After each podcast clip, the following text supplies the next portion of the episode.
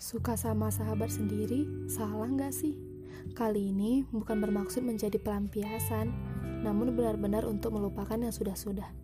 Kali ini dengan berani menyatakan perasaan ke sahabat sendiri.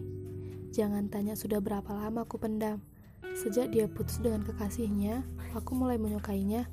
Awalnya biasa saja dengan segala rutinitas dan waktu bertemu yang hampir setiap hari. Dia juga cerita tentang bagaimana dia sangat mencintai mantan kekasihnya itu namun, apakah aku salah? Adakah yang tahu kapan perasaan seseorang muncul? Sama, aku juga tidak tahu. Entah hal gila apa yang tiba-tiba merasuk hingga aku berani menyampaikannya. Aku menyukainya. Mungkin belum sepenuhnya, tapi tenang saja. Aku mencintainya sesempurna aku mencintai diriku sendiri.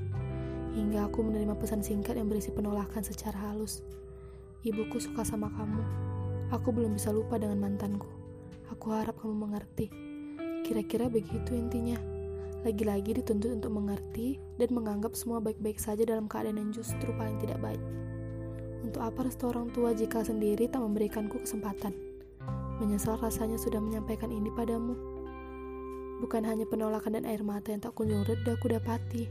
Aku juga kehilangan seorang sahabat laki-laki yang satu-satunya aku miliki. Maaf untuk sayang dan nyawa yang ingin bersatu namun beda denganmu yang menolakku. Tuan, kuharap kita tetap bertemu, bertegur sapa, bersandaria seperti biasa. Tuan, terima kasih atas apa-apa yang telah kau sampaikan selama ini. Apa-apa yang telah kau berikan selama ini, dan apa-apa yang telah kita lewati. Maaf bila selama ini kata-kataku begitu lancang.